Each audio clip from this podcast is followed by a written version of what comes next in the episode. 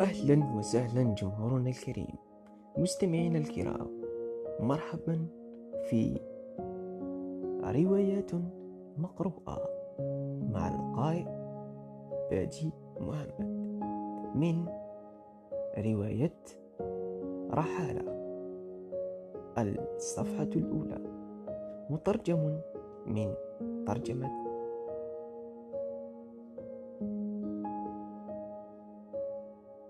نبدأ بالمقدمة ها أنا لا. عمري بضع سنوات. أجلس على حافة الشباك محاطة بألعاب مبحثرة وأبراج مكعبات مقلوبة ودمى بأعين جاحظة. البيت مظلم والهواء في الغرفة يبرد ببطء. يعتم. لا أحد هنا سواي. لقد غادروا رحلوا وإن لا يزال بالإمكان سماع أصواتهم تحتضر. تلك الخشخشة إصداء وقع أقدامهم ضحكة بعيدة من النافذة ساحة الدار خاوية الظلام ينتشر برقة من السماء. يهبط على كل شيء مثل نداوة سوداء. أسوأ ما في الأمر هو السكون. مرئي كثيف. غش غبشة تجلب القشعريرة. والضوء الشاحب المنبعث من مصابيح بخار الصوديوم يغوص في ولهة الظلام بعد بضعة أقدام. لا أقترب من نبضه. لا شيء يحدث. زحف الظلام ينقطع عند باب البيت. وجلبة الأفول تهمد تصنع قشرة سميكة كتلك التي تتكون على سطح الحليب البارد. الخطوط الخارجية للبنايات تمتد أمام خلفية السماء إلى اللانهائية.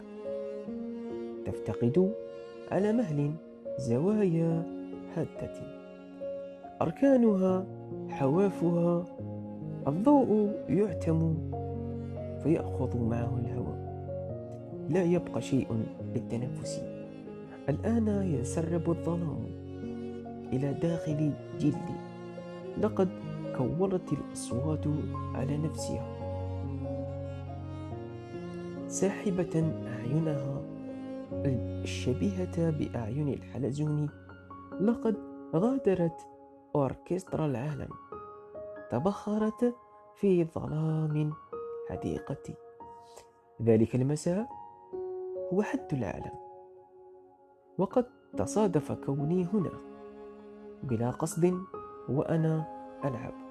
لا أبحث عن أي شيء لقد اكتشفته لأنني تركت من دون رقابة لبرهة.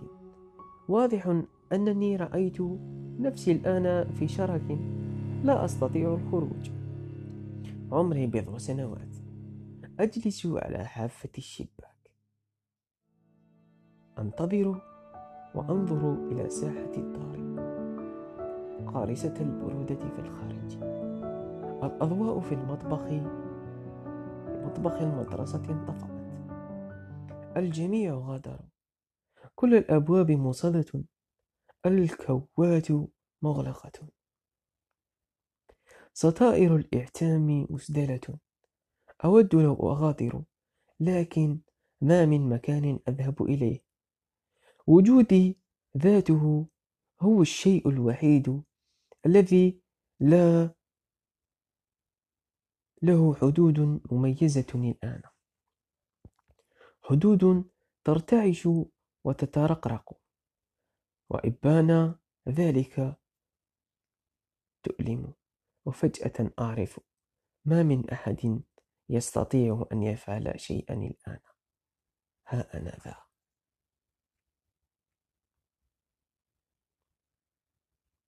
شكرا للاستماع.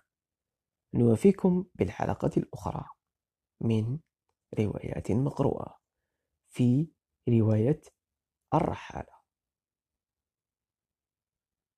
الجزء الثاني.